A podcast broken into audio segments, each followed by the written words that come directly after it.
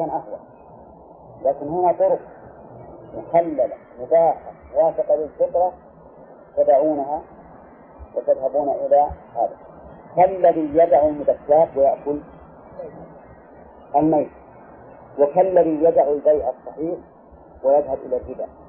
نعم ويقول أحل الله ويقول إنما بيع مثل الربا. فالحاصل أن أن الحدائق تزداد قبحا إذا كان لها بدائل من من الحسنات. إذا كان لها بدائل من الحسنات ازدادت قبحا. ولهذا قال لهم أتأتون الرجال شهوة؟ لو أنه اقتصر على هذا وقال أتأتون الرجال شهوة؟ بل أنتم قوم تجهلون حصل التوبيخ والله قالوا طائركم معكم؟ الفوائد قال يا قوم نعم. آخر ما أخذنا أين قال طيرنا به. آخر ما أخذنا إثبات الحكمة والعلة لعلكم كذا؟ ذكرنا هذا. ذكرنا أن الاستعجال بالسيئة يكون بطلبها أو بالأفعال التي تسببها. ذكرنا هذه. بداية الشرح عندنا قالوا طيرنا به طيب. قال قال الله تعالى قالوا طيرنا بك وبمن معك. قال طائركم عند الله بل أنتم قوم تفتنون. يؤخذ من هذه الآية بيان مسلك المكذبين للرسل أنهم يسلكون مسالك التشبيه والتمويه. لقولهم حين أصيبوا بالجد والقهر اطيرنا بك وبمن معك. مع أن هذا الأمر من الله سبحانه وتعالى وليس بأسباب النبي. وهكذا أهل الباطل يشبهون ويلبسون على الناس بمثل هذه الأمور. وفي هذا دليل على أن المصائب التي تصيب الإنسان إنما هي من الله سبحانه وتعالى. لقوله طائركم عند الله. ولا ينافي هذا قوله تعالى وما أصابكم من مصيبة فبما كسبت أيديكم ولا قوله ظهر الفساد في البر والبحر لأن نسبة هذه الأمور إلى الله نسبة خلق وإيجاد ونسبتها إلى المخلوق نسبة سبب تسبب نعم فهي تضاف إلى الناس إضافة الشيء إلى سببه وتضاف إلى الله سبحانه وتعالى إضافة الخال المخلوق إلى خالقه. نعم. وعلى هذا يزول إشكال كثير من الآيات التي ظاهرها التعارض في هذا الباب. وفي هذا دليل على أنه من الحكمة أن يرد الباطل بالحق بدون سكوت.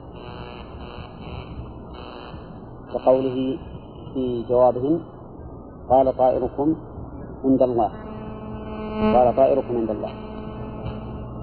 أنه لا يستفعل الباطل بل يرد عليه ويبقى هذه الفائدة. وفيها الفائدة الرابعة أنه ينبغي أن يكون الرد من جنس الإيراد. يكون الرد من جنس الإيراد. فهنا تطيروا بصالح ومن معه فبين أن طيرتهم وشؤمهم بسبب أعمالهم لكنه قال طائركم. يعني اللفظ مثل اللفظ. فينبغي أن يكون الجواب مثل الإيراد ويتحرى المجيب حتى اللفظ. خامسا أنه ينبغي لمن رد على غيره أو أبطل قوله أن يأتي بأمر لا جدال فيه. بأمر لا جدال فيه. لأن هذا صالح عليه الصلاة والسلام. لو قال هذا الجدب ليس مني وأنا ما ما أتيت بسببه وما أشبه ذلك لكان هذا فيه مجال للأخذ والرد. ولكن ينبغي أن يختار المجيب. وش يختار؟ الجواب الذي لا لا كلام بعده. نظير هذا محاجة إبراهيم للذي حاجة فيه. بالله قال أنا أحيي وأميت. قال إبراهيم فإن الله يأتي بالشمس من المشرق فتبان من المغرب ما قال لا أنت من تحيي وتميت ولكنك تقتل من لا يستحق القتل وترفع القتل عن من يستحقه وهذا ليس بإحيان ولا إماتة. مع أن هذا هو الحقيقة. لكن هذا يكون فيه جدل. إنما أتى بأمر لا جدل فيه. لا جدال فيه. ولا يمكن أن يجال ولهذا بهت الذي كفر. وهكذا ينبغي للإنسان في محاجة من حاجة أن يختار الأجوبة اللي ما ما تؤدي إلى النزاع والجدال لأنه إذا أدت إلى النزاع والجدال فقد يتغلب الباطل على الحق بسبب طول الجدال نعم واللف والدوران. لكن يؤتى بشيء لا جدال فيه نعم وهذه من من آداب المناظرة حتى عند الذين يتكلمون بهذه الأمور يرون أن من آداب المناظرة الأخذ بما لا يمكن الجدل فيه. نعم. طيب. وفيها أيضا دليل على أن الله سبحانه وتعالى فائدة الثالثة نعم. بل أنتم قوم تفتنون. دليل على أن الله تعالى قد يحدث من الأمور ما يكون سببا لافتتان بعض الناس. أولا. فلما لما جاء صالح وجاء الجد في الحقيقة أنه فتنة لبعض الناس. إذ يقول بعض الناس مثلا أن هذا من أسباب هذه الرسالة. فيكون سببا للفتنة لولا عصمة الله تبارك وتعالى. وهذا دائما يكون في أفعال الله تعالى القدرية والشرعية. الشرعية يا أيها الذين آمنوا لا يبلونكم الله بشيء من الصيد تناله أيديكم ورماحكم ليعلم الله من يخافه بالغيب. حرم الله الصيد على المحرمين فبعث الله على الصحابة رضي الله عنهم صيدا تناله أيديهم ورماحهم. يمسك بيده ما بتعب وإلا برمحه. نعم ما يحتاج ولا إلى قول. ليعلم الله من يخافه بالغيب فخافوه بالغيب. وافتتن الله تعالى قوم موسى بالحيتان. تأتيهم يوم سبتهم شرعا مع تحريم الصيد عليهم ويوم لا يسبتون لا تأتيهم ولكنهم لم يصبروا وخادعوا فتحيروا. وصاروا يضعون الشباك للحيتان في يوم الجمعة. فتأتي الحيتان فتقع فيه يوم السبت. فإذا كان يوم الأحد جاءوا وآخرون. وقال إحنا ما صدنا يوم السبت نعم. فقلبهم الله تعالى قردة وخنازير. قردة. قلنا لهم كونوا قردة خاسئين.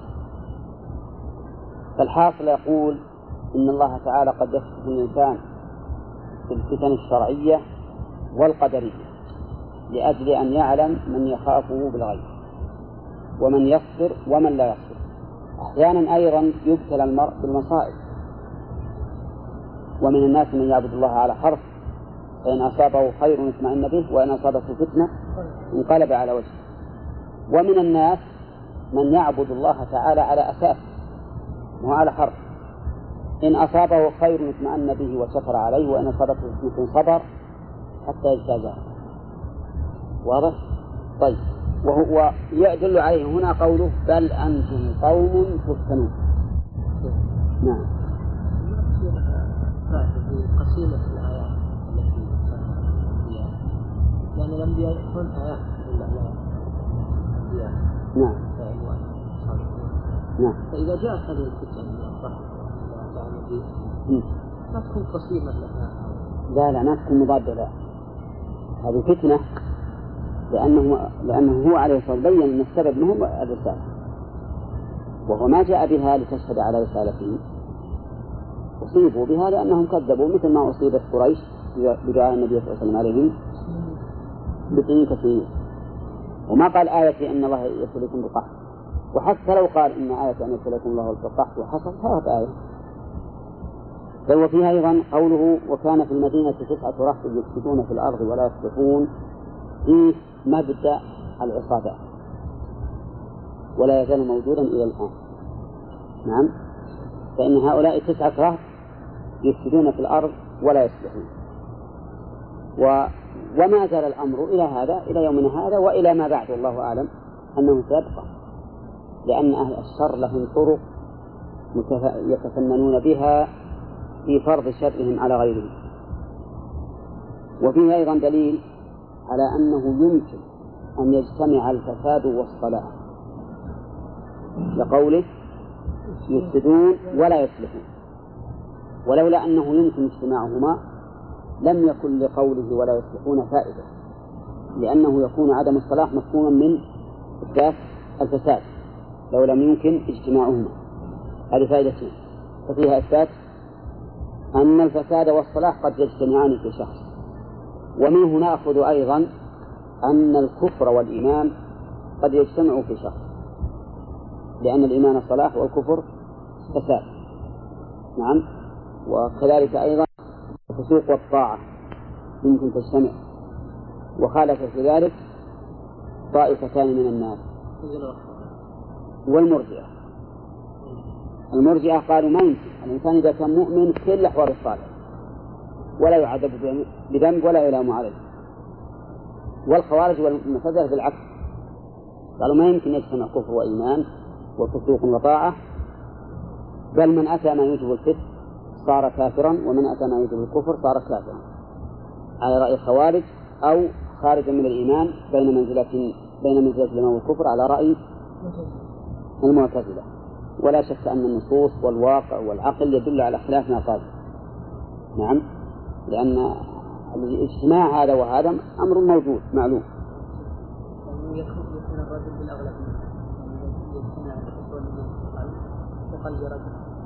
ويكون الرجل بالأغلب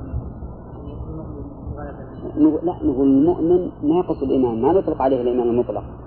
حتى لو كان فيه مثلا عشرة في المئة. لابد أن يكون ناقص الإيمان. ولا مؤمن بإيمانه؟ فاسق بكبيرة. مثلا لو اغتاب الإنسان رجلا من الناس هذه كب- كبيرة من الكبائر تنقص الإيمان. نعم؟ وهو يصلي ويصوم ويزكي ويحج ويتطوع بسائر التطوعات ما نعطي هذا وصف الإيمان المطلق؟ بل نقول مؤمن بإيمانه فاسق بكبيرته أو مؤمن ناقص الإيمان. شيء نعم. قوله يصلحون في الأرض ولا يفسدون. يفسدون. في ولا نعم هي مثل قول الصحابي فأمرنا بالسكوت حين عن الكلام لا. بمعنى لو بمعنى انه يتحقق يعني الوصف مم. بواحد منهم والثاني يعني لا. لا وبارك الله فيك. لأن السكوت والكلام متناقضان. نعم. متناقضان.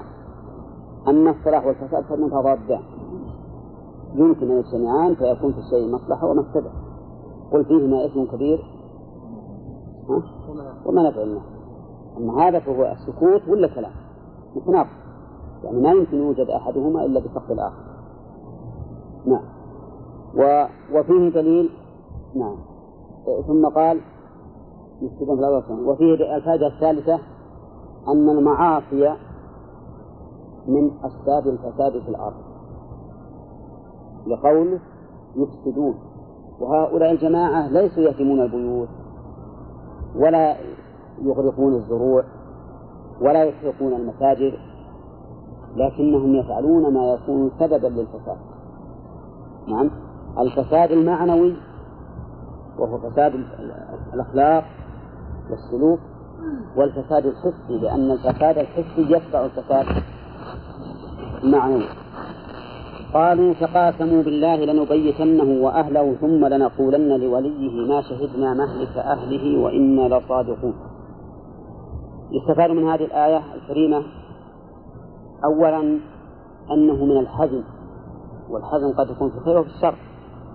أنه من الحزم أن يتعاقد وتتعاقد الطائفة وتتعاهد على منهاجها الذي تسير عليه. لئلا تتفرق وتختلف. اثنين وخد قالوا تقاسموا بالله لنبيتنه ما ذهب كل واحد مذهب اجتمعوا أول على تنفيذ على تدبير الخطة ثم على تنفيذها عليه السلام.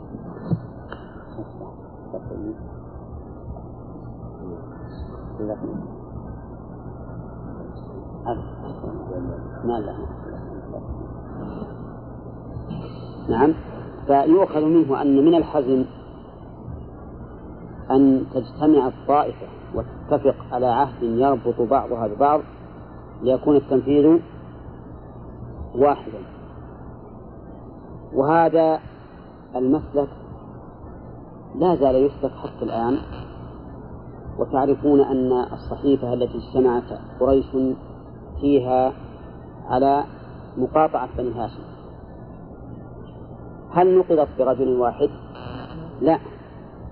بل ذهب هذا الرجل الذي أراد نقضها إلى فلان وفلان وصار يجمع الناس حوله حتى اجتمعوا على نقضها وغلبوا في تنفيذ فكرته. فالحاصل أن هالمسائل دي ينبغي للإنسان إذا أراد أن يهم بأمر ويمشي على منهاج أنه يجعل معه أقواما يساعدونه ويتعاقد معهم ويتعاهد.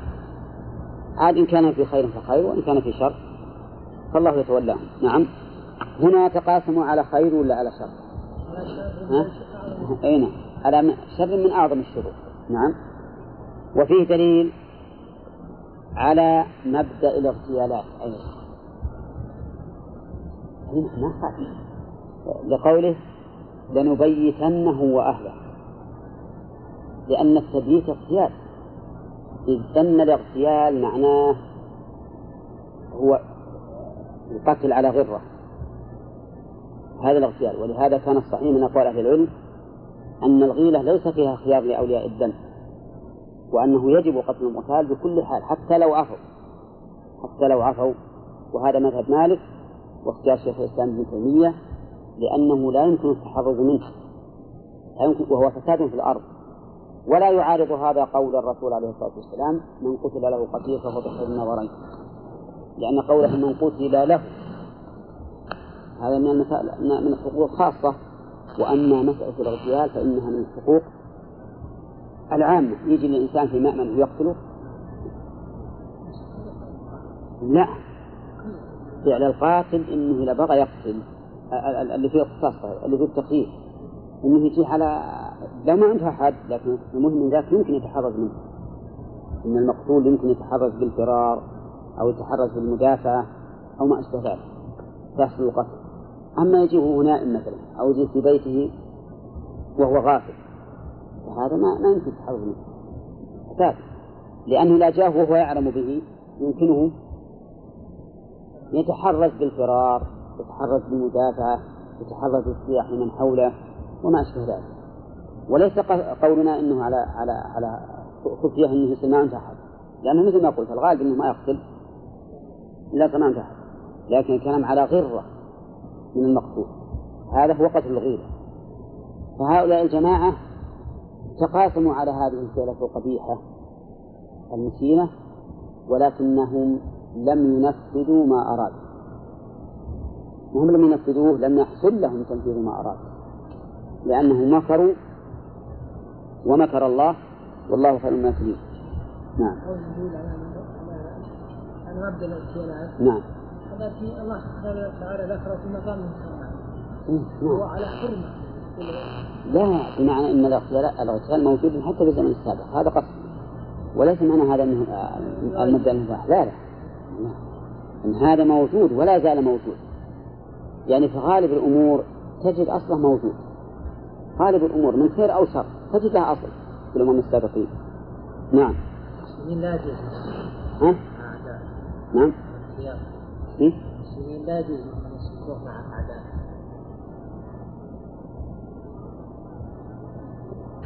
إن كانوا يسلكونه بنا فسلكناه ما, ما وإن عاقبتم فعاقبوا بمثل ما عاقبتم به. ثم قال طيب وفيه دليل بقوله فنبيتنه وأهله ثم لنقولن لوليه ما شهدنا مهلك أهله. دليل على الإنكار. إنكار المدعي وهذا شيء واضح. أن الفاعل للسيئة لا يهمه أن ينكر فعلها. يعني من قتل يهون عليه أن ينكر القتل. ولا لا؟ من قتل هان عليه أن ينكر القتل لأن القتل أعظم من إنكاره فلهذا قالوا ثم لنقولن لوليه ما شهدنا مهلك أهله. وفيها فائدة رابعة أنه أي أن البينة على المدعي واليمين على من أنكر. لماذا؟ لأنه لولا أن هذا القول يبرئهم ما صح أن أن يتفقوا على اتخاذه حجة. فما فهمت؟ يقتلونه ويقولون ما شهدنا مهلك مهلك اتفقوا على هذا. دل هذا على أن الإنكار يبرأ به المدعى عليه. وجهه أنه لولا أن ذلك يبرئهم لم ينفعهم الاتفاق عليه. لأنه لو قالوا ما شهدنا مهلكه يقال أنتم القاتلون. فهذا أيضا دليل على أن البينة على المدعي واليمين على من أنكر. فإذا ادعى شخص أنه قتل أن, أن هذا الرجل قتل والده. نقول له هات بينة. فإذا لم يأتي ببينة فإن فإنه لا يثبت له حق. ما يثبت له حق لأن البينة على المدعي واليمين على من أنكر ولكن هل هذا على إطلاقه؟ المشهور من المذهب أنه على إطلاقه. وأنه لو كان المدعى عليه القتل من أفجر الناس و والمدعى والمقتول من أطيب الناس وكذلك المدعي فإنه لا يؤخذ بقوله. فإنه لا يؤخذ بقوله. لعموم قول الرسول عليه الصلاة والسلام البينة على المدعي واليمين على من أنكر. واختار شيخ الإسلام ابن تيمية رحمه الله أن هذا يؤخذ بقوله ولكن تجرى فيه القسامة. إذا كان هذا الرجل معروفا بالفسوق. ها؟ والمقتول معروفا بالصدق والاستقامة وكذلك أولياؤه. قال فإن هذا قرينة تغلب على الظن صدق المدعي. وعلى هذا فتجرى فيه القسامة. وما قاله الشيخ فليس بعيد كذلك الأمر الثاني بالعكس. لو أن شخصا قتل إنسانا وقال نعم أنا قتلت ولكن الرجل صار علي ولم يندفع إلا بالقتل فماذا أصنع؟ المذهب لا يقبل قوله ويقتل أما فهمت؟ ها؟ إنسان ادعي عليه أنه قاتل كان قال نعم أنا اللي قاتل لكنني قتلته دفاعا عن نفسي لأن الرجل الذي يقتلني نقول له هات بينة أنه صلى عليك وإلا قتلناه. قال ما يمكن يكون بين لأنه ما بصلي عليه أمام الناس. لو يدري إن, إن, أن حوله أحد أحدا ها؟ ما ما ما صار. نقول إذا نقتلك ويوم القيامة تختصم عند الله. ها؟ هذا هو المذهب. واختار الشيخ هنا أنه يقبل قول المعروف بالصدق. فإذا كان هذا الرجل مستقيما هذا القاتل اللي يقول أنا قتلت دفاعا مستقيما والمقتول معروفا بالفجور والاعتداء على الخلق. فإنه يقبل قوله ولكن يحلف تأكيدا لقوله. وما قاله الشيخ هو الصحيح ولا يمكن العمل إلا به. ولا يمكن العمل به. أما كون يقول نقتلك وتلقى تلقى حسابك عند الله هذا فيه نظر. نعم. طيب. حتى لو وجد قرينة تدل على صدق الرجل غير مسألة الحال هذا وحال هذا يعني مثلا لو وجد في بيته. ها؟ لو وجد المقتول في بيته. في بيت في بيت القاتل. جاء لما دخل عليه البيت بيقتل أو يبي ينتهك حرمة علي ويجوز أن دفع إلا بالقتل. يقول نعم ولو كان لأنه يمكن عازمه شبهة تدرى نعم. وش؟ بيت إيه هم يقولون نعم بيته لكن هو يقول أنا الآن قتلته عمدا. ما في شبهة. بس ادعى أنه صائم. يقول كونه بيته ما يدل على على ما قال. لأنه يجوز أنه يتدرج هو وتفضل عندنا. نعم. تفضل عندنا نوريك. ويدخل على أنه يودي حاجة في البيت ولا شيء. نعم. الحاصل. مشكلة هذه. ما يستقيم الحال إلا على ما اختاره الشيخ الإسلام ابن تيمية. أبدا. طيب ها الكلام على أن قوله ما شهدنا مهلك أهله يدل على أن المنكر مقبول القول ما لم يكن المدعي ببينة. وفي هذه الآية ومكروا مكرا ومكرنا مكرا وهم لا يشعرون دليل على عظمة الله سبحانه وتعالى وأنه أعظم مكرا ممن يمكرون به وبرسله. فهؤلاء أرادوا المكر برسوله ولكن الله تعالى مكر بهم بما هو أعظم. وفيه دليل على وصف الله تعالى بالمكر لكنه ليس على سبيل الإطلاق بل على سبيل التقييد فيقال مثلا هو ماكر بأعدائه أو بمن يستحق المكر أو ما أشبه ذلك. مما يجعل المكر صفة كمال. لأن المكر ليس بصفة الكمال على الإطلاق ولا بصفة نقص على الإطلاق. وفي هذا دليل على أن الله سبحانه وتعالى قد يمكر بالعبد فلا يشعر بمكره.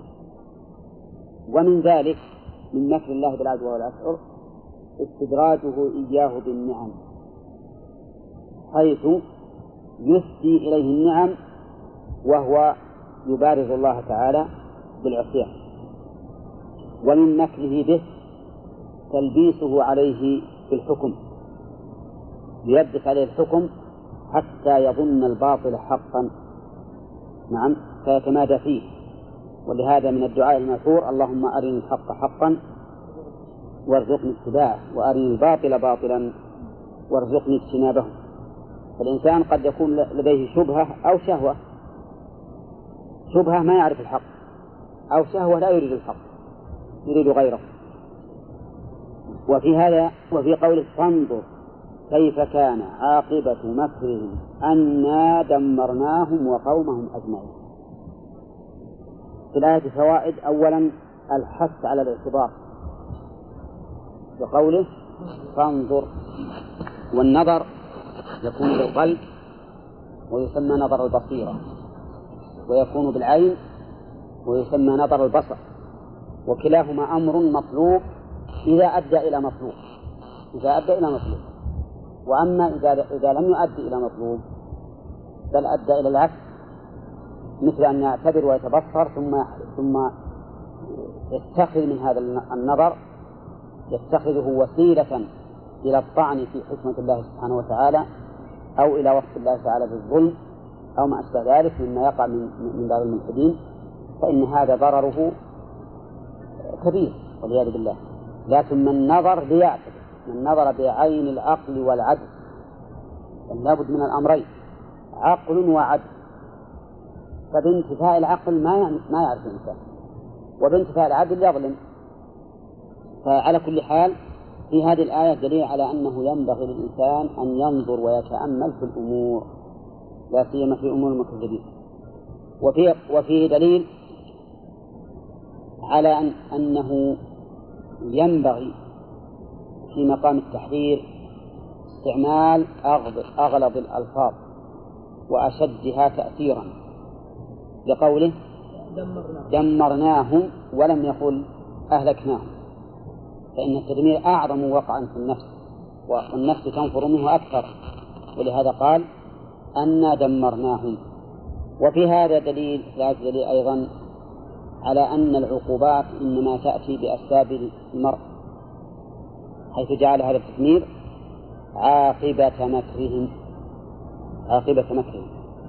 وهذا يدل عليه أيضا قول الله تعالى ولو أن أهل القرى آمنوا واتقوا لفتحنا عليهم بركات من السماء والأرض ولكن كذبوا فأخذناهم بما كانوا يكسبون. وقال تعالى في خصوص أهل الكتاب ولو أن أهل الكتاب آمنوا واتقوا لكفرنا عنهم سيئاتهم ولأدخلناهم جنات النعيم. ولو أنهم أقاموا التوراة والإنجيل وما أنزل إليهم من ربهم لأكلوا من فوقهم ومن تحت أرجلهم. من فوقهم من الثمار الطويلة ومن تحت أرجلهم من الزروع التي تحت الأرض. و وفي قوله أيضا كيف كان أنا دمرناهم وقومهم أجمعين. في هذا دليل على أن العقوبة تعم. ولكن كما قال رسول الله صلى الله عليه وسلم يبعث الناس على أعمالهم. العقوبة قد تعم ولكن يبعث الناس على أعمالهم. وهذا مشاهد. سواء كانت العقوبة من الله يعني من فعل الله أو من فعل العباد. يسلط الله تعالى بعض عباده على بعض فيدمر هذا المتسلط على الصالح والطالح. ولكن يبعث الناس يوم القيامة على أعمالهم ونياتهم. أو ينزل الله تعالى كارثة من عنده نعم كالفيضانات والرياح وغيرها فتدمر الصالح والطالح ويوم القيامة يبعثون على نياتهم. وإنما كان كذلك والحكمة عند الله سبحانه وتعالى لأجل أن يستقيم الناس على أمر الله لأني أنا إذا علمت أن المصيبة ستعم سأسعى في إزالة السيئة الموجبة للعقوبة ولا لا؟ لكن لو لو أننا نعلم أن لو أننا نعلم أن العقوبة تخص العامل ما استقام الأمر بالمعروف ولا النهي عن المنكر أليس هكذا؟ ولذلك يجب أن يكون خوف الإنسان من معاصي غيره كخوفه من معاصي نفسه. لأن العقوبة واحدة إذا نزلت عمت بل إن المعاصي سبحان الله كالدخان. كالدخان يصرع من شمه وإن لم يكن في بيته. نعم؟ ولذلك معاصي الناس اليوم أثرت حتى على أهل على أهل الخير البعيدين منهم. يعني أهل الخير لو سألتهم وقلت هل تجدون في قلوبكم ما كنتم تجدونه قبل سنوات؟ ها؟ من الإنابة إلى الله والخشوع والخضوع ومحبة الخير. لو سألتهم نعم لا أجابوا لا لا أجابوا لا. دعنا من الناس اللي ماتوا قبل قبل 30 سنة أو أكثر هذول ما معلوم أنهم سلموا من هذه الفتنة. لكن حتى اللي موجود الآن قلوبهم قبل نحو 30 سنة أصلح بكثير من اليوم. مع أن حالهم هي هي. تجد الإنسان مثلا في في في في مسجده إمام ولم يلتفت للدنيا ولم يشتغل بها تجد الإنسان مثلا في أهله ما يلتفت لأحد غيره ومع ذلك تأثر في القلوب. لأن المعاصي مفاسد. المعاصي مفاسد مهما كانت. ولكن مع هذا قد يأتي الله تعالى ببركان عظيم يبدد هذه الأشياء. يقيض الله تعالى الأمة الإسلامية طائفة منصورة ظاهرة فتبدل كل هذا الأمر. نعم. ولهذا لا بد من عمل. الركود ما ينفع. الركود ما في السلامة أبدا. لا بد من العمل ولكن على هدى مستقيم. وبحكمة بالغة. لأن اللي يضر الدعاة إلى الله حنا الحقيقة عبد الحن الفوائد شرح الذي يضر الدعاة إلى الله الآن واحد من أمرين. إما جهل أو سفه. يعني إما أنهم ما عندهم علم بين راسخ فتجدهم يحرمون ما أحل الله ويوجبون ما لم يوجبه الله. واضح؟ مثل ما يوجد من بعض الإخوان الذين يتشددون في الأمور. يحرمون ما أحل الله أو يوجبون ما لم يوجبه الله. وهذه مفسدة عظيمة. أو يكون عندهم سفه يعني ما عندهم حكمة في الدعوة إلى الله. فيكون عندهم تسرع وعنف أو تباطؤ في غير موضعه. ففي الأول يحصل رد فعل عنيف من المدعوين. وفي الثاني يحصل تماد من المدعوين يفوت القصة على الداعي. فلا بد من العلم والحكمة. وادعو إلى سبيل ربك بالموعظة بالحكمة والموعظة الحسنة وجادلهم بالتي هي أحسن. نعم.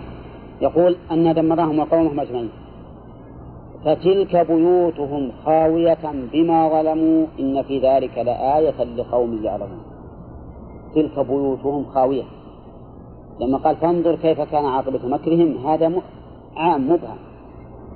نص على شيء معين. وش عليه؟ أن بيوتهم خاوية الآن. وش معنى خاوية؟ أي إما خالية. إما خالية. وإما متهدم مدمرة. نعم. خاوية. وهذا قد نقول إن فيه فائدة وهي التبيين بعد الإجمال لأن التبيين بعد الإجمال أوقع في النفس. فالشيء إذا جاء مجملا تتشوف النفس إلى بيانه ومعرفته فإذا جاء إليها مبينا بعد الإبهام صادف أرضا يابسة تشرب الماء. لكن إذا بي من الأول مرة مرة بسرعة نعم. وهذا دائما تجدونه في القرآن. وقضينا إليه ذلك الأمر. وش ذلك الأمر؟ ها؟ أن دابر هؤلاء مقطوع مستحيل. عندما تقف وقضينا إليه ذلك الأمر تجد نفسك هذا الأمر بألف. وش الأمر هذا؟ لم تجي أن دابر هؤلاء مقطوع مستحيل. يتبين لك وقت هذا البيان بعد الإبهام. وفي هذا دليل على أن التدمير والإتلاف من أسباب الظلم كقوله بما ظلموا بما ظلموا. لأن الباء هنا للسببية وفيه دليل على أن الجزاء من جنس العمل؟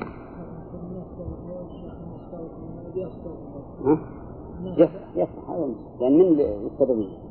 وفي هذا دليل على أن الجزاء من جنس العمل.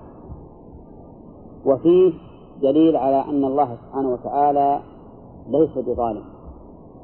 ما دام لا يعاقب إلا بسبب العبد فمعنى ذلك أنه منتف عنه الظلم سبحانه وتعالى. وفيه دليل على التحذير من الظلم. لأننا إذا تبينا أن التدمير من أسباب الظلم معناه أننا ننفر منه ونهرب منه ففيه التحذير من من ممارسة الظلم سواء كان متعديا أو لازما أي سواء كنت تظلم نفسك وحدها بالتقصير بواجب الله أو بالظلم لغيرك أيضا. وفيه دليل على أن هذه الحوادث التي يصفها الله عز وجل آيات من آياته. تدل على كمال قدرته وسلطانه وعلى كمال عدله أيضا. أولى ولهذا قال إن في ذلك لآية إن في ذلك لآية أي علامة على قدرة الله وسلطانه وعلى حكمته وأنه سبحانه وتعالى لا يفعل إلا بمقتضى الفعل. وفيه رد على من ينكرون الحكمة. مثل من؟ الجهمية. فإن الجهمية يقولون إنه إنه لا حكمة لله سبحانه وتعالى في أفعاله. وخالفتهم المعتزلة تماما. وقالت أفعاله مقرونة بالحكمة والحكمة موجبة. ولهذا قالوا يجب عليه في الإصطلاح. وبعضهم قالوا يجب عليه فعل الأصلح وأما الجهمية فبالعكس. وهذا من المواضع التي اختلفت فيه الجهمية والمعتزلة. وإن كانوا يختلفون في في كثير من الأشياء لكنهم يختلفون أيضا في أشياء أخرى. منها هذه المسألة. هل فعل الله لحكمة أو لمجرد مشيئة الجهمية يقولون لمجرد مشيئة والمعتزلة يقولون لحكمة لكن غلوا في إثبات الحكمة. غلوا في إثبات الحكمة حيث أوجبوا على الله سبحانه وتعالى فعل أصله وقد مر علينا هذا في العقيدة وبينا أن الصواب أنه يجب على الله فعل الأصلح لكن لا بإيجابنا نحن ولكن بمقتضى حكمته لأن الحكمة تقتضي هكذا. نعم. الأشاعرة مثل مثل مثل الجهمية. طيب وفي هذا دليل على أنه لا ينتفع بالآيات إلا أولو العلم. بقوله لقوم يعلمون. أما من ليس من ذوي العلم فإنه يفوتهم شيء كثير لا يعتبرون به ولا يستعذون به. ولهذا قال الله عز وجل وتلك الأمثال نضربها للناس وما يعقلها إلا العالمون. والأمثال تشمل الأمثال المعقولة والأمثال المحسوسة المشاهدة نعم. فالله تعالى يضرب الأمثال المعقولة ويضرب الأمثال المحسوسة نعم واضرب لهم مثلا أصحاب القرية إذ جاءهم المرسلون إلى آخره. هذه من الأشياء المشهودة المحسوسة نعم مثل الذين اتخذوا من دون الله أولياء, أولياء كمثل العنكبوت اتخذ بيتا هذا من الأمثال المعقولة. والحاصل أن أهل العلم هم الذين يعقلون هذه الآيات ويعتبرون بها وينتفعون بها. وفيه دليل على فضيلة العلم. أولا وفيه دليل أيضا على الحث على العلم. لأنه إذا ثبت فضله فمعنى ذلك أن الله ذكره لنا لنتعلم. لنتعلم. ولا شك أن العلم أنه من أفضل ما أنعم الله به على العبد. يعني ما بعد الإسلام نعمة مثل العلم. هي أفضل من نعمة المال. وأفضل من نعمة قوة البدن. وأفضل من نعمة البنين. ولا ما يعادلها إلا نعمة الإسلام فقط. ولذلك تجد أن العلماء ولكن الذين مثلوا العلم بأن كانوا دعاة إلى الله وكانوا علماء ملة لا علماء دولة. لأن العلماء منهم علماء ملة يدعون إلى الملة والشريعة ويهدون بأمر الله ومنهم علماء دولة يدعون إلى ما تريده الدولة وتعرفون أول ما ظهرت بدعة الإشتراكية أو أول ما أول ما ظهرت ما ظهر فسق الإشتراكية. لأنه من زمان صار أناس من أهل العلم في البلاد التي ظهرت فيها هذه البدعة صاروا يدعون إليها ويزعمون أن القرآن والسنة دلا عليها ويجيبون آيات. نعم. يجيبون آيات تدل على هذا. نعم. مثل ضرب لكم مثلا من أنفسكم هل لكم مما ملكت أيمانكم من شركاء فيما رزقناكم فأنتم فيه سواء. أي فأنتم فيه سواء. خلاص. أنتم سواء في الرزق. والناس شركاء في ثلاث. وهكذا وبدأوا يحرفون الكتاب والسنة. لماذا؟ لأنهم علماء دولة لا علماء ملة. وهذا كثير أيضا. وفيه أيضا محدثون دولة. مر علينا الذي قال المهدي لا سبق إلا في إبراهيم بن غياث أو غياث بن إبراهيم. قال لا سبق إلا في نص أو خف أو حافر وسبي مهدي أو جناح. نعم. الحاصل إن إن إن هذه بلى لكن فقط لكن المراد بالعلم الممدوح هو العلم المؤثر للعمل والدعوة للعمل والدعوة. والحقيقة أن مقام طلبة العلم ما هو مقام علم فقط ويكون العلم قابعا يا أحمد في صدورهم نعم. إذا لم يكن هناك دعوة أنت الآن وارث للأنبياء. ولا لا؟ العلماء ورثة الأنبياء. طيب ادعو إلى الله. ادعوا مثل ما دعا الأنبياء إلى الله سبحانه وتعالى. نعم. اعلم ثم ادعو. ما نقول ادعو بجهل؟ الدعاء بجهل ضرر عليك وعلى الإسلام أيضا. لكن اعلم وادعو ولا تبالي. واعلم أنك ما قلت كلمة تبتغي بها وجه الله إلا كان لها تأثير لابد. ونحن نضرب دائما لكم مثلا بقول موسى أمام السحرة وأمام فرعون وجنوده وعامة أتباعه. قال للسحرة ويلكم لا تفتروا على الله كذبا فيسحتكم بعذاب وقد خاب من افترى. كلمة وش عملت؟ ولا قنبلة. فتنازعوا أمرهم بينهم. راحت معنويتهم واجتماعهم. وأخيرا آمنوا بالله.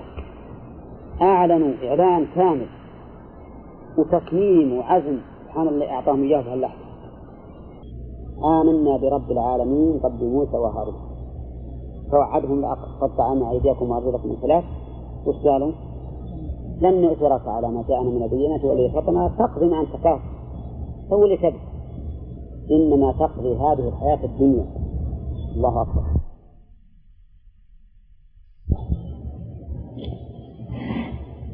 قال الله تبارك وتعالى فتلك بيوتهم خاوية بما ظلموا؟ إن في ذلك لآية لقوم يعلمون. وأنجينا الذين آمنوا وكانوا يتقون. في هذا دليل على أن الإيمان والتقوى من أسباب النجاة لأن قوله أنجينا الذين آمنوا حكم معلق بوصف. والحكم إذا علق بوصف دل ذلك على علية هذا الوصف وتأثيره في الحكم. فيكون فيه دليل على أن الإيمان والتقوى وهي متضمنة للعمل الصالح من أسباب النجاة. هذا الثانية الحث على الإيمان والتقوى. لأن كل إنسان عاقل ينبغي له أن يسلك أسباب النجاة. فيكون في الإخبار عن عن نجاتهم الحث على السبب الذي به نجوا. الفائدة الثالثة بيان عدل الله سبحانه وتعالى حيث أهلك من يستحق الإهلاك وأنجى من يستحق الإنجاء. وأنجينا الذين آمنوا وكانوا يتقون. الفائدة الرابعة أن صالحا ومن معه كانوا مؤمنين متصفين بهذا الوصف الإيمان والتقوى. لأنهم هم الذين أنجوا من هذه العقوبة. ولوطا إذ قال لقومه أتأتون الفاحشة وأنتم تبصرون؟ أئنكم لتأتون الرجال. في هذا دليل من الفوائد على أنه ينبغي إبراز الغرض الذي من أجله أرسل الرسول. لأن الرسل كلهم كافة أرسلوا لتوحيد الله. لكن بعضهم يبين مع الأمر بعبادة الله أنه أرسل لهذا الغرض. وذلك ولوط هنا بين الله تعالى أنه أرسله لغرض انتشال قومه من هذه الفاحشة العظيمة. ولوطا إذ قال لقومه مع أنه لا, لا, لا بد أنه قال لهم اعبدوا الله ما لكم من إله غيره. لكن لما كانت هذه الفاحشة ظاهرة فيهم بينها الله تبارك وتعالى. نعم. لماذا لم يعني الرسل سواء لماذا لم يتعنوا طلب التشريعات حتى يؤمن بحيث لا يطالبوه بهذا الشيء حتى هم مؤمنون. طالبوهم اولا بالإيمان ثم بهذا.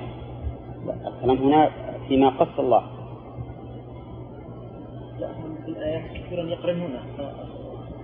قرن. إيه قرن بالواو ما تقتضي أنها الفورية. ولا تقتضي التعقيب ما تقتضي لأن النبي صلى الله عليه وسلم خالف سيرة لا حتى سيرته ما تدل على المخالفة. ما تدل على المخالفة. وهو إما أن يكونوا مثلا أخطأوا في هذه العملية مع تحقيق العبادة ويكون الأمر بعبادة الله من باب الأمر بالاستمرار عليه. أو أنهم يأمرونهم ثم بعد ذلك إذا استقر الإيمان في نفوسهم نهوهم عن عما هم عليه. الفائدة الثانية أن الرسل يرسلون إلى قومهم لقوله إذ قال لقومه ولم يبعث أحد إلى عموم الناس إلا رسول الله صلى الله عليه وسلم. الفائدة الرابعة بيان عظم اللواء وقبحه وأنه في قمم الفواحش. لقوله أتأتون الفاحشة؟ رابعا بيان وجوب الإنكار على من أتى هذه الفاحشة. لقوله أتأتون؟ لأن الهمزة هنا للاستفهام والتوبيخ ولا شك أنه ينكر عليه. لكن بماذا يعاقب؟ في شريعتنا يعاقب بالقتل. مطلقا. سواء كان محصنا أم غير محصن. وهذا هو ما دل عليه الحديث الذي في السنن وصححه الحاكم وغيره.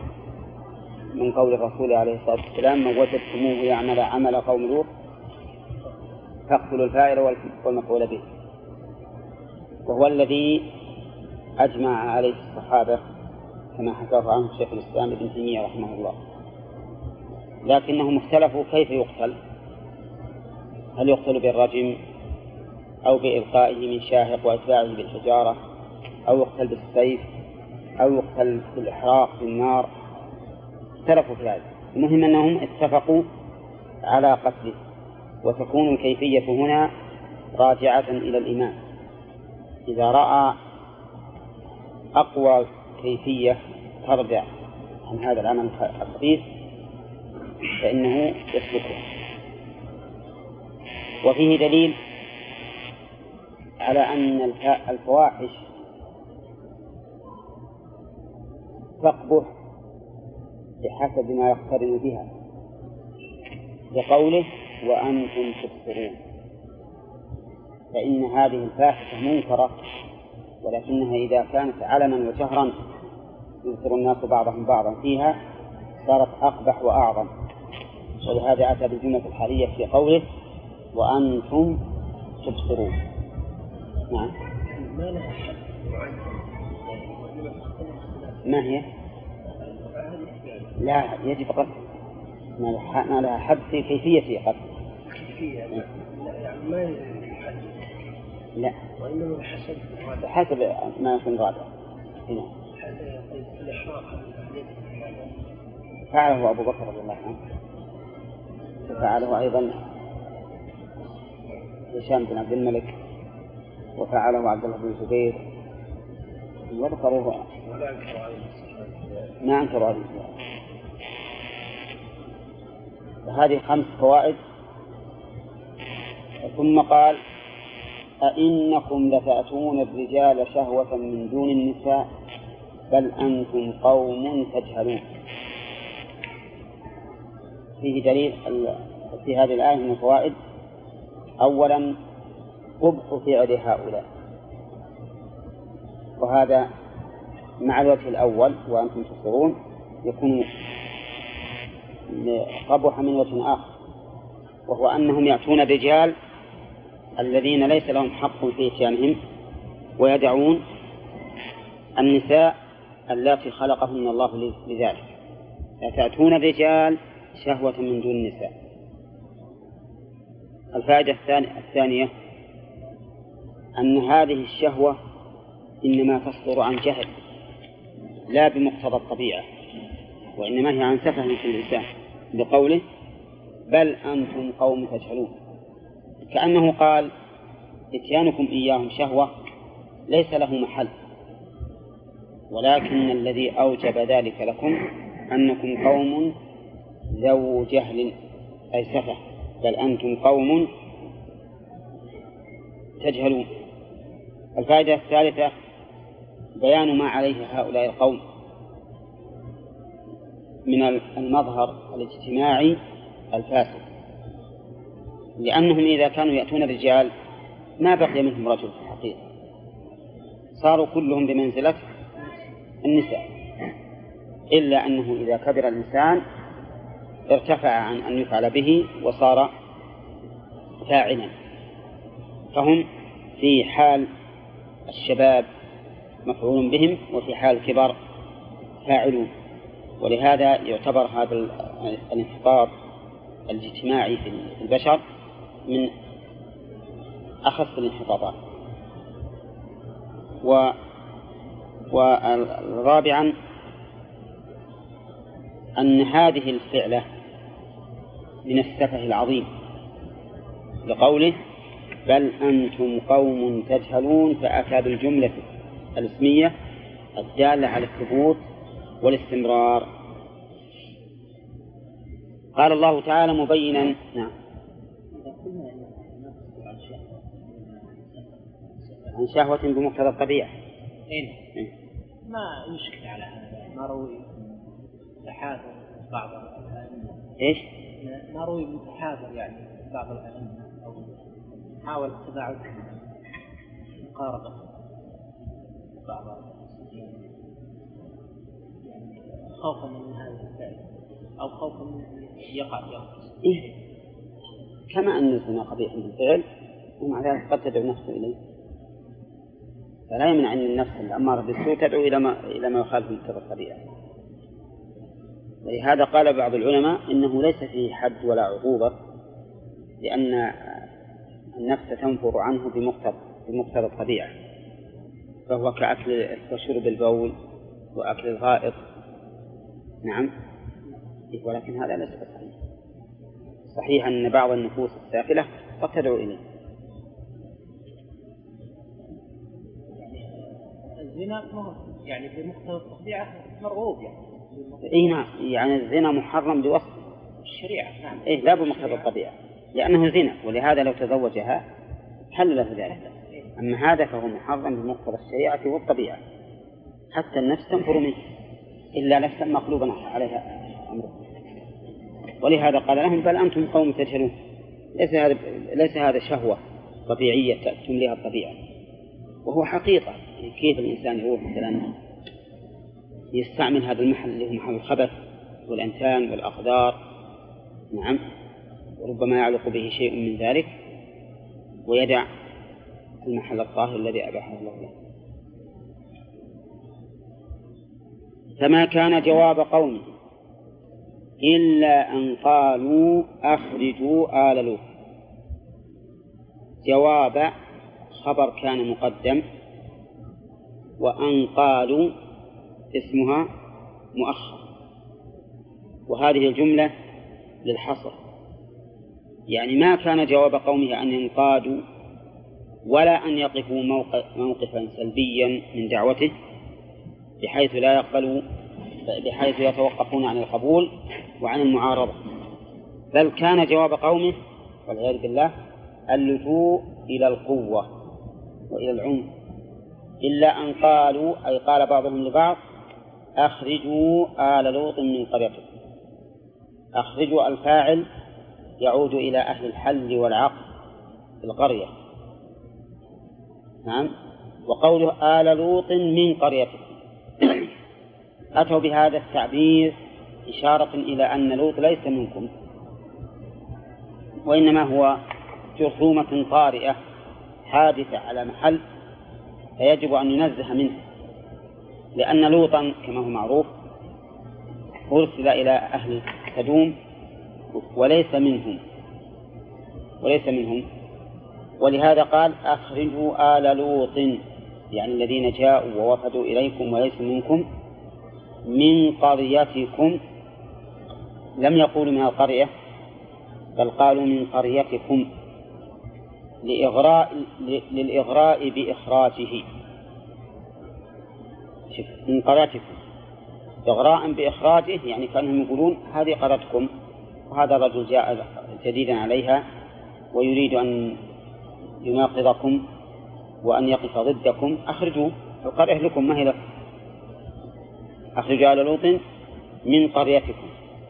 وسيأتي إن شاء الله بيان الفائدة في هذا من بعض الناس إذا ضاق ذرعا بالدعاة المصلحين يقول لهم أطلعوا هذا ما هي أو لا تتكلم في هذا المسجد ما هو مسجد أو ما أشبه ذلك. من قريتكم إنهم أناس يتطهرون. الجملة تعليل لما سبقها من حكم وهو الأمر بالإخراج أخرجوهم لماذا؟ لأنهم أناس يتطهرون من أدبار الرجال. فجعلوا علة العقوبة ما هو من أسباب رفع العقوبة. فإن التطهر عن هذا حسن يقتضي المدح والثناء الجميل على من تطهر منه. وهؤلاء جعلوه بالعكس. لأنهم والعياذ بالله إما زائغون يعرفون الحق ولم يعملوا به وإما ضالون وضلوا عن الحق وعمي عليهم نسأل الله العافية والغالب أنهم ضالون أنهم زائغون لأن هذا معروف لدى البشر أن الطبيعة تنفر منه ولا أحد يقبله وقوله إنهم أناس يتطهرون هل هم أرادوا الحقيقة وأن هذا الفعل خبيث وهؤلاء يريدون التطهر منه؟ أو أراد يتطهرون بزعمهم وأن هذا الفعل ليس نجسا لكن هؤلاء يريدون أن يتطهروا منه؟ الأقرب الأخير لأنه هو عليكم السلام هو مقتضى حالهم. مقتضى حالهم أنهم رأوا هذا المنكر معروفا وهذه الفاحشة يسيرة فتمسكوا بها. وقولهم إنهم أناس يتطهرون. أناس نكرة. والمنكر غير معروف. وكل هذا لقصد التباعد منه. والإغراء بإخراجهم. قال الله عز وجل فأنجيناه وأهله. لما عزموا على إخراجه أمره الله تعالى أن يخرج بأمر الله فإن الملائكة أتت إليه وأمرته أن أن يسري بأهله إلا امرأته كانت من الغابرين فسرى بأمر الله. ولما بعد عن عن القرية أهلك الله تعالى أهل القرية صباحا. إن موعدهم الصبح أليس الصبح بقريب فأرسل الله عليهم حجارة من سجيل فجعل عاليها سافلة ولهذا قال فأنجيناه وأهله إلا امرأته الاستثناء متصل ولا منقطع؟ إيه؟ ليش؟ كيف لا؟ ما المنقطع والمنقطع؟ المنقطع ما فهم فيه استثناء. من غير جنس. طيب وهنا؟ لا من جنس. إذا متصل فأنجيناه وأهله إلا امرأته وفي هذا دليل على أن المرأة من الأهل. لأن الإنسان يأهلها ويأوي إليها وكذلك هي بالنسبة إليه. فالزوجة من أهل الإنسان. كما أن أقاربه من أولاده وآبائه هم أيضا من الأهل فأنجيناه وأهله إلا امرأته قدرناها من الغابرين. قدرناها من الغابرين أي كتبنا عليها وقدرنا عليها ولهذا قال جعلناها بتقديرنا من الغابرين الباقين في العذاب. الغابر بمعنى الباقي. المعنى أنها هي بقيت ولم يسر بها. نعم. فكانت والعياذ بالله من من من الهالكين. إلا امرأته قدرناها من الغابرين. وهذا هو معنى قوله تعالى وضرب الله مثلا ضرب الله مثلا الذين كفروا امرأة نوح وامرأة لوط. كانتا تحت عبدين من عبادنا صالحين فخانتاهما. فإن هذه الخيانة ليست خيانة فرج وإن وعرض وإنما هي خيانة كفر لأنهما أظهرتا أنهما مؤمنتان وهما ليستا كذلك. فبهذا صارتا خائنتين. قال إلا امرأته قدرناها من الغابرين وأمطرنا عليهم مطرا وهو حجارة السجيل أهلكتهم فساء بئس مطر المنذرين بالعذاب مطرهم. أمطرنا عليهم مطرا هذا دليل على أن المطر ليس خاصا بالماء بل كل ما حصب به الإنسان من فوق يسمى مطرا. ولهذا قال أمطرنا عليهم مطرا والمطر الذي أصابهم ما قاله المؤلف حجارة السجيل. كما قال الله تعالى في آية أخرى وأمطرنا عليها وفي وفي آية ثانية وأمطرنا عليه حجارة من سجيل. هذه الحجارة آه، أهلكت وجعلت عالي القرية سافلة بمعنى أنها خلى بمعنى أنها تهدمت عليهم حتى صار عاليها سافلها.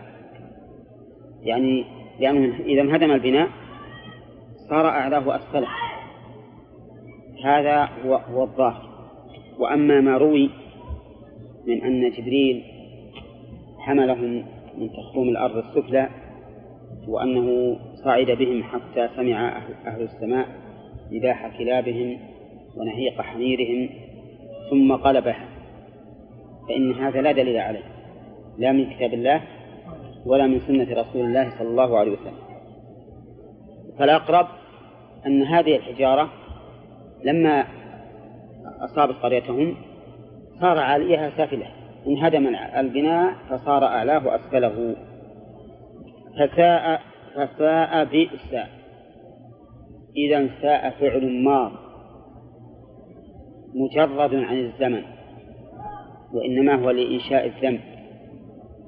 نعم. مثل حسن في بعض الأحيان. حسن أولئك رفيقا. هذا فعل لإنشاء المدح. وساء مثل مثل هذا ساء مطر المنذرين. هذا أيضا فعل لإنشاء الذنب. قال مطر المنذرين بالعذاب مطرهم. ليش جاء مطرهم؟ لأن ساء مثل بئس. تبي فاعل وتبي مبتدأ المخصوص. المخصوص بالذنب هو المبتدأ المحذوف. فإذا نقول في إعرابها ساء فعل ماض ومطر فاعل وهو مضاف إلى المنذرين والمخصوص بالذم محذوف. تقديره مطرهم ساء مطر المنذرين مطرهم. وهذا المخصوص أحيانا يتقدم وأحيانا يأتي بعد بدله اسم منصوب يجعل بدلا يجعل تمييزا يكون بدل هذا المخصوص. قال الله تعالى نعم. جمع بين قوله تعالى فأخذتم الصيحة مشركين الجمع بين قوله تعالى فأخذتم الصيحة مشركين قوله في سورة هود إن موعدهم الصبح ليس الصبح قريب مع أن الصبح يعني طلع البشر كما ذكر ابن القيم. إيه. فنشرع بعد ما تنتصف الشمس. نعم. الصبح يشمل أول النهار من طلوع الفجر إلى أن الظاهر إلى الزوال. يسمى ضحى ويسمى صبحا. فلا فلا ينام.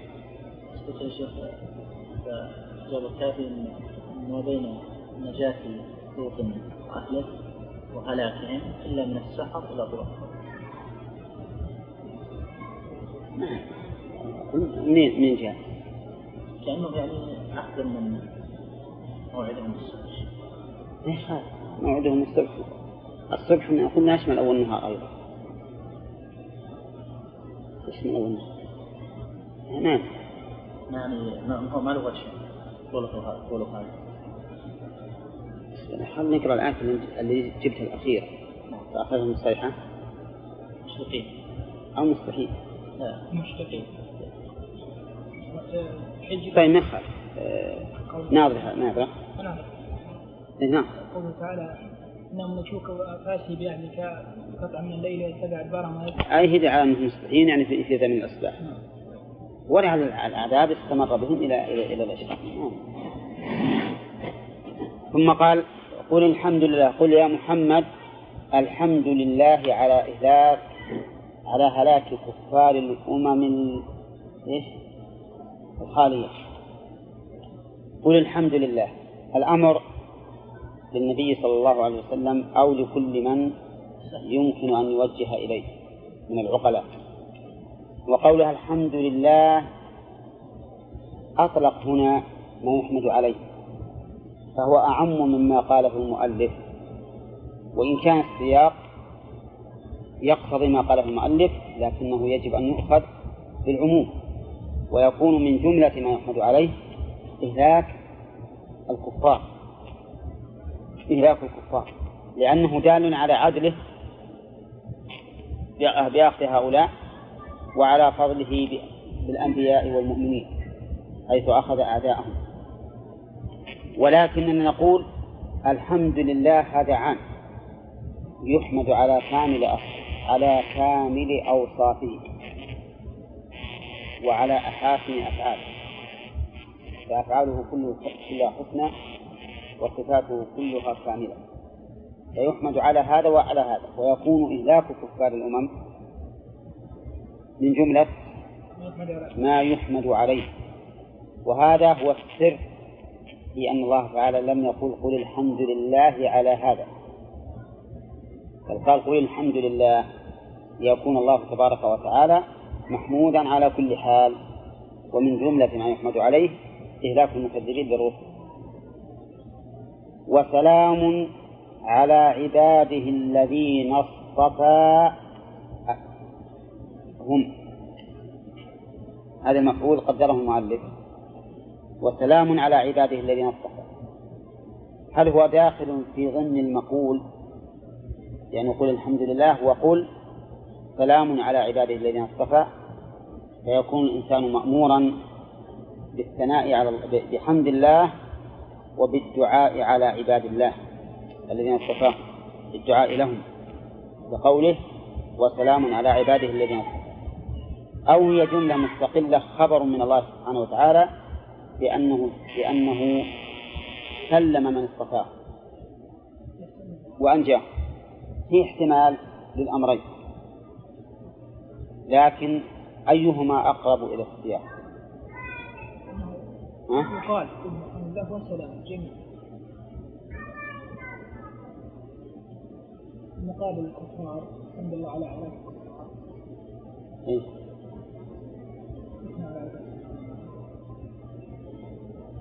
والله فيها احتمال. ما يترجح عندي أحد الاحتمالين لأن لكل منهما وجه. فالإنسان مأمور بأن يحمد الله ومأمور بأن يسلم على عباد الله. وكذلك أيضا الله تبارك وتعالى محمود على كمال صفاته ثم إخباره بأنه سلم هؤلاء. هذا أيضا مما يحمد عليه لأن زوال النقم كجلب النعم. نعم. ويكون في هذا فائدة وهو أن العباد الذين اصطفاهم الله قد أحل عليهم السلام عليهم. السلام أحل عليهم السلام فلا ينالهم ما ينال هؤلاء الكفار ويكون الله تعالى محمودا على الأمرين على إهلاك الكفار وعلى تسليم عباده الذين اصطفى. وقولها الذين اصطفى بمعنى اختار وفي هذا دليل نترك في هذا الدليل لأنه لا الذين اصطفى أي اختارهم. والله تبارك وتعالى يخلق ما يشاء ويختار. يختار ما ما يخلق ويصطفيه فمن جملة ما اختار من بني آدم اختار الأنبياء كما قال الله تعالى وإنهم عندنا لمن المصطفين. واختار أيضا المؤمنين. فإن المؤمنين بالنسبة للكفار مصطفون والأنبياء صفوة الصفوة. والاصطفاء كغيره من الصفات التي تكون متفاوتة بحسب ما قام به العبد من أسباب الاصطفاء. فكلما كان الإنسان أقوى من أقوى بعبادة الله وأشد تعظيما لله سبحانه وتعالى كان أشد اصطفاء. آه الله بتحقيق الهمزتين آه الله وإبدال الثانية ألفا آه الله وتسهيلها آه الله ما بين بالحيد وإدخال ألف بين المسهلة والأخرى وتركها نعم ما تحقيقها من بالحيد الدالة الثانية ألف هذه هذه تنتهي واضحة تسهيلها؟ تحقيق المثل الله الله الدالة الثانية ألفا. هي قراءة المعروف. الله. ها؟ التسهيل فيه صفتان. التسهيل فيه صفتان. يدخل بينهما ألف بين الهمزة والمسهلة ويترك فتكون القراءات الآن أربع قراءات أربع نعم. يعني الأولى تحقيق الهمزتين القراءة الرابعة تسهيل الهمزة. تس- القراءة الثالثة نعم. تسهيل الهمزة الثانية لكن فيها ألف أو بدون ألف. أي نعم. فصار فصارت القراءات أربعة الآن. واضح؟ طيب. ثم قال الله خير أي نعم. خير لمن يعبده أم ما يشركون بالتاء والياء أي أهل مكة به الآلهة. خير لعابدية. قول آه الله خير. خصه المؤلف بخيريته لمن يعبده. والصواب أنها خيرية مطلقة لمن يعبده وهذا يقتضي الإحسان. ولكماله وهذا يقتضي الجلال والعظمة. فهنا ما نقول الله خير لمن يعبد فقط بل آه الله خير في كل صفاته وفي إحسانه وعطائه. لأن الآية مطلقة فيجب إطلاقها وإطلاقها أكمل من تقييدها. نعم؟ لأن مثلا قد يكون هذا خيرا لمن يتعامل معه لكنه ليس فيه خيرية مطلقة. يكون هذا الرجل يتعامل مع شخص وإذا عامله أعطاه فوق ما يستحق. لكنه في صفاته الأخرى ردي. ويجي آخر جيد وخير في صفاته الأخرى لكن إذا تعامل معه هذا الرجل ربما لا يعطيه ما يستحق. فيكون الأول خيرا له من الثاني ومع ذلك فهو ناقص. فقول المؤلف خير لمن يعبده هذا فيه نظر. أولا أنه تقييد للمطلق بلا دليل. الثاني أن هذا التقييد لا يقتضي أن الأفضلية. ولذلك يجب أن يقال آه الله خير في كل شيء في صفاته وفي ثوابه وجزائه لمن يعبده. نعم. أما يشركون يعني أم الذي يشركونه مع الله من الأصنام وغيرها؟ والجواب؟ ها؟ وش الجواب؟ بل الله خير. الجواب بل الله خير. نعم. ولهذا ينبغي لك إذا قرأت مثل هذا أن تقول بل الله. وهذه المعادلة لا تقتضي المقاربة أو المماثلة فإنه قد يفاضل بين الشيئين مع خلو الطرف الثاني منهما. قال الله تعالى أصحاب الجنة يومئذ خير مستقرا وأحسن مقيلا مع أنه ليس في مستقر النار خير وليس فيها حسن مقيل نعم؟ وكذا بل إنهم يقولون يف- يفضلون في بين أمرين متعاكسين. فيقال مثلا الشتاء أشد من القيف الشتاء أشد من القيف مع أنهما أو يقولون بعد أبلغ من هذا. الشتاء أحر من القيف أبرد من القيف مع أن القيف ليس فيه ليس فيه برودة فالحاصل إن, إن هذا ما يقتضي المماثلة أو المساواة. ولكن هل يقتضي النقص؟ نقول نعم. يقتضي النقص لأنه يوهم المشاركة إلا في مقام التنزل. في مقام التنزل فلا يقتضي المشاركة. فلا يقتضي النقص. يقول الشاعر ألم ترى أن السيف ينقص قدره إذا قيل إن السيف أمضى من العصر؟ لكن عند التنزل لا يدل على النقص. فهذه الأصنام التي يشرك بها مع الله يريد منها عابدوها أن تنفعهم بجلب النفع أو دفع الضرر. فنقول لهم أيما أصنامكم خير؟ أو أم الله؟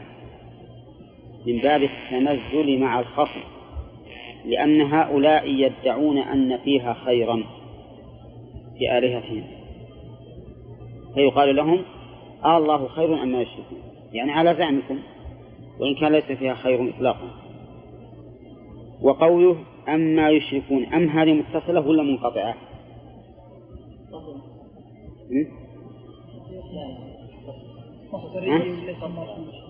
لا ما ما اسم موصوف. أم الذي يشركون. يعني المعادلة بين ذاتين لا بين معنى. متصلة. وش الفرق بين المتصلة والمنقطعة؟ عشان أحكم عليه؟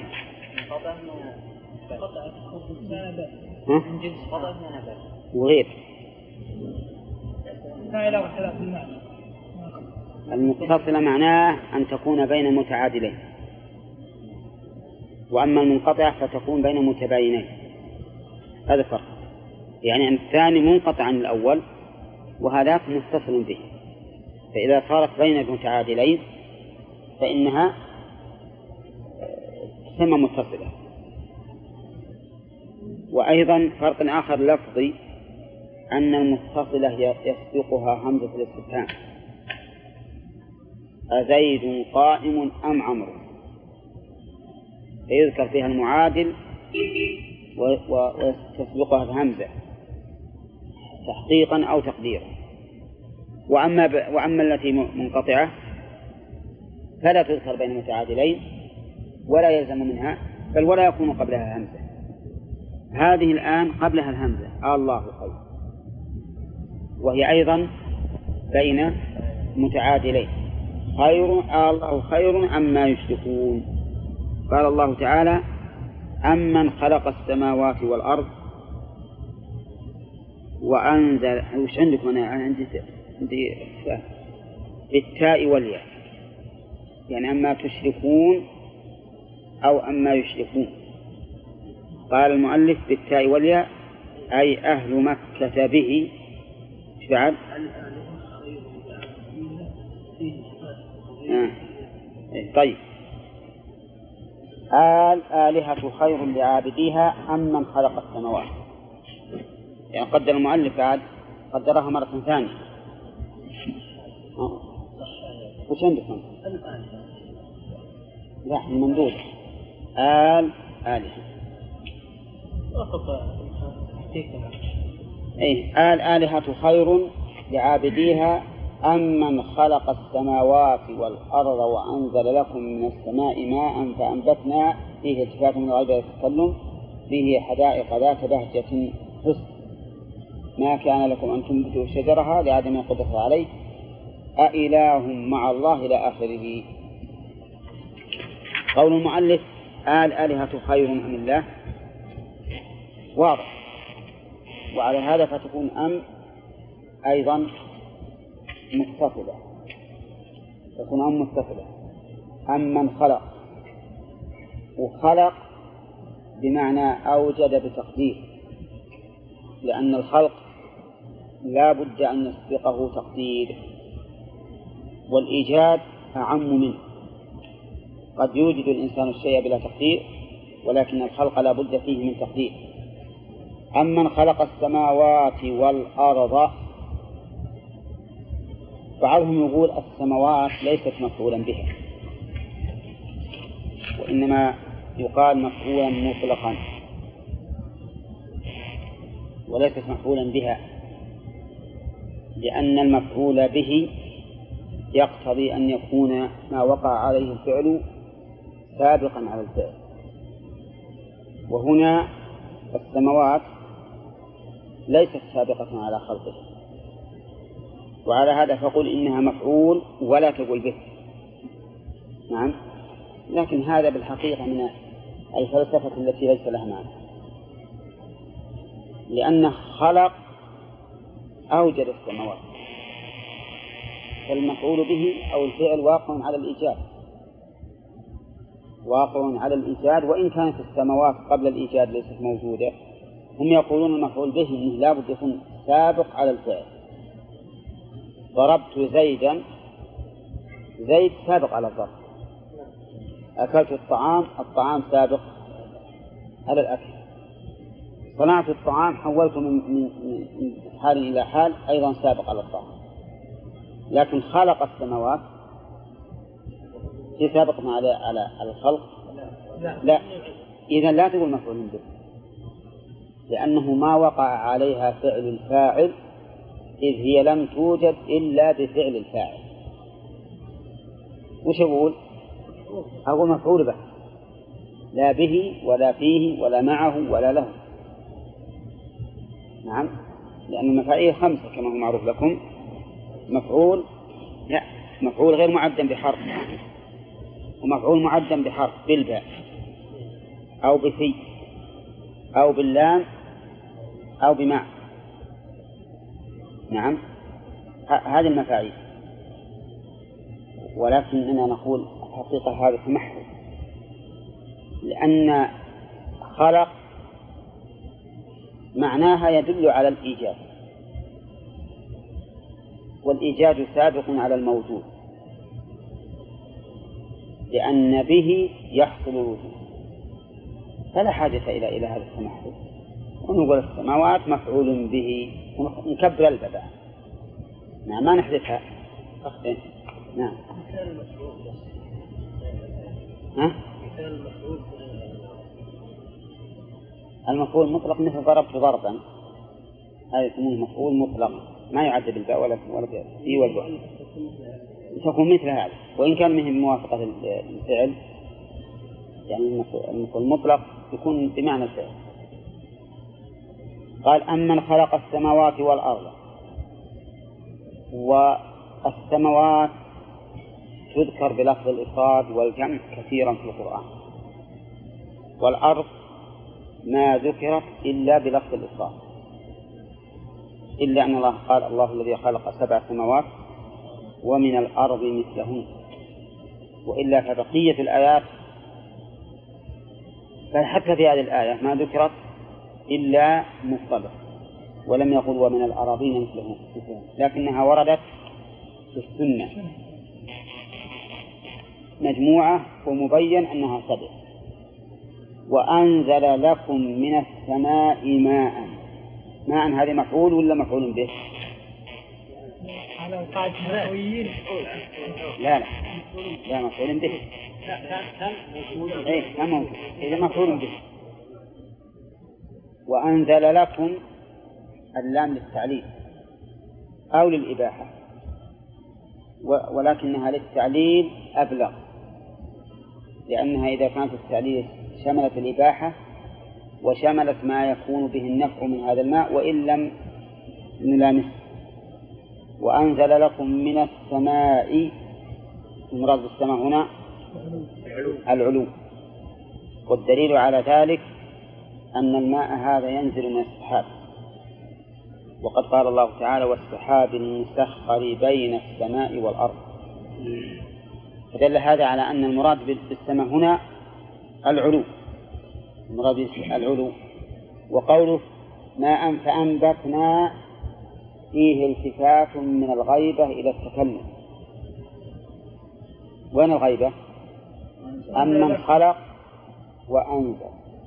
وهنا قال فأنبت والالتفات فيه فوائد هات واحدة منها تنبيه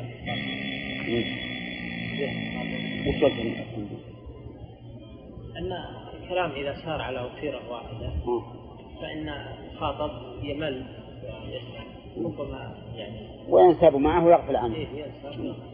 وإذا تغير مجرى الخطاب؟ مم. ينتهي ينتبهوا نعم. طيب. هذه واحدة الفائدة الثانية؟ تنويع الكلام. تنويع الكلام. لأنه مثلا تارة يكون مثلا هذه الوسيلة وتارة يكون على الوسيلة الثانية فيكون يعني أروع. يعني محسنات بديعية لفظية. إيه. طيب.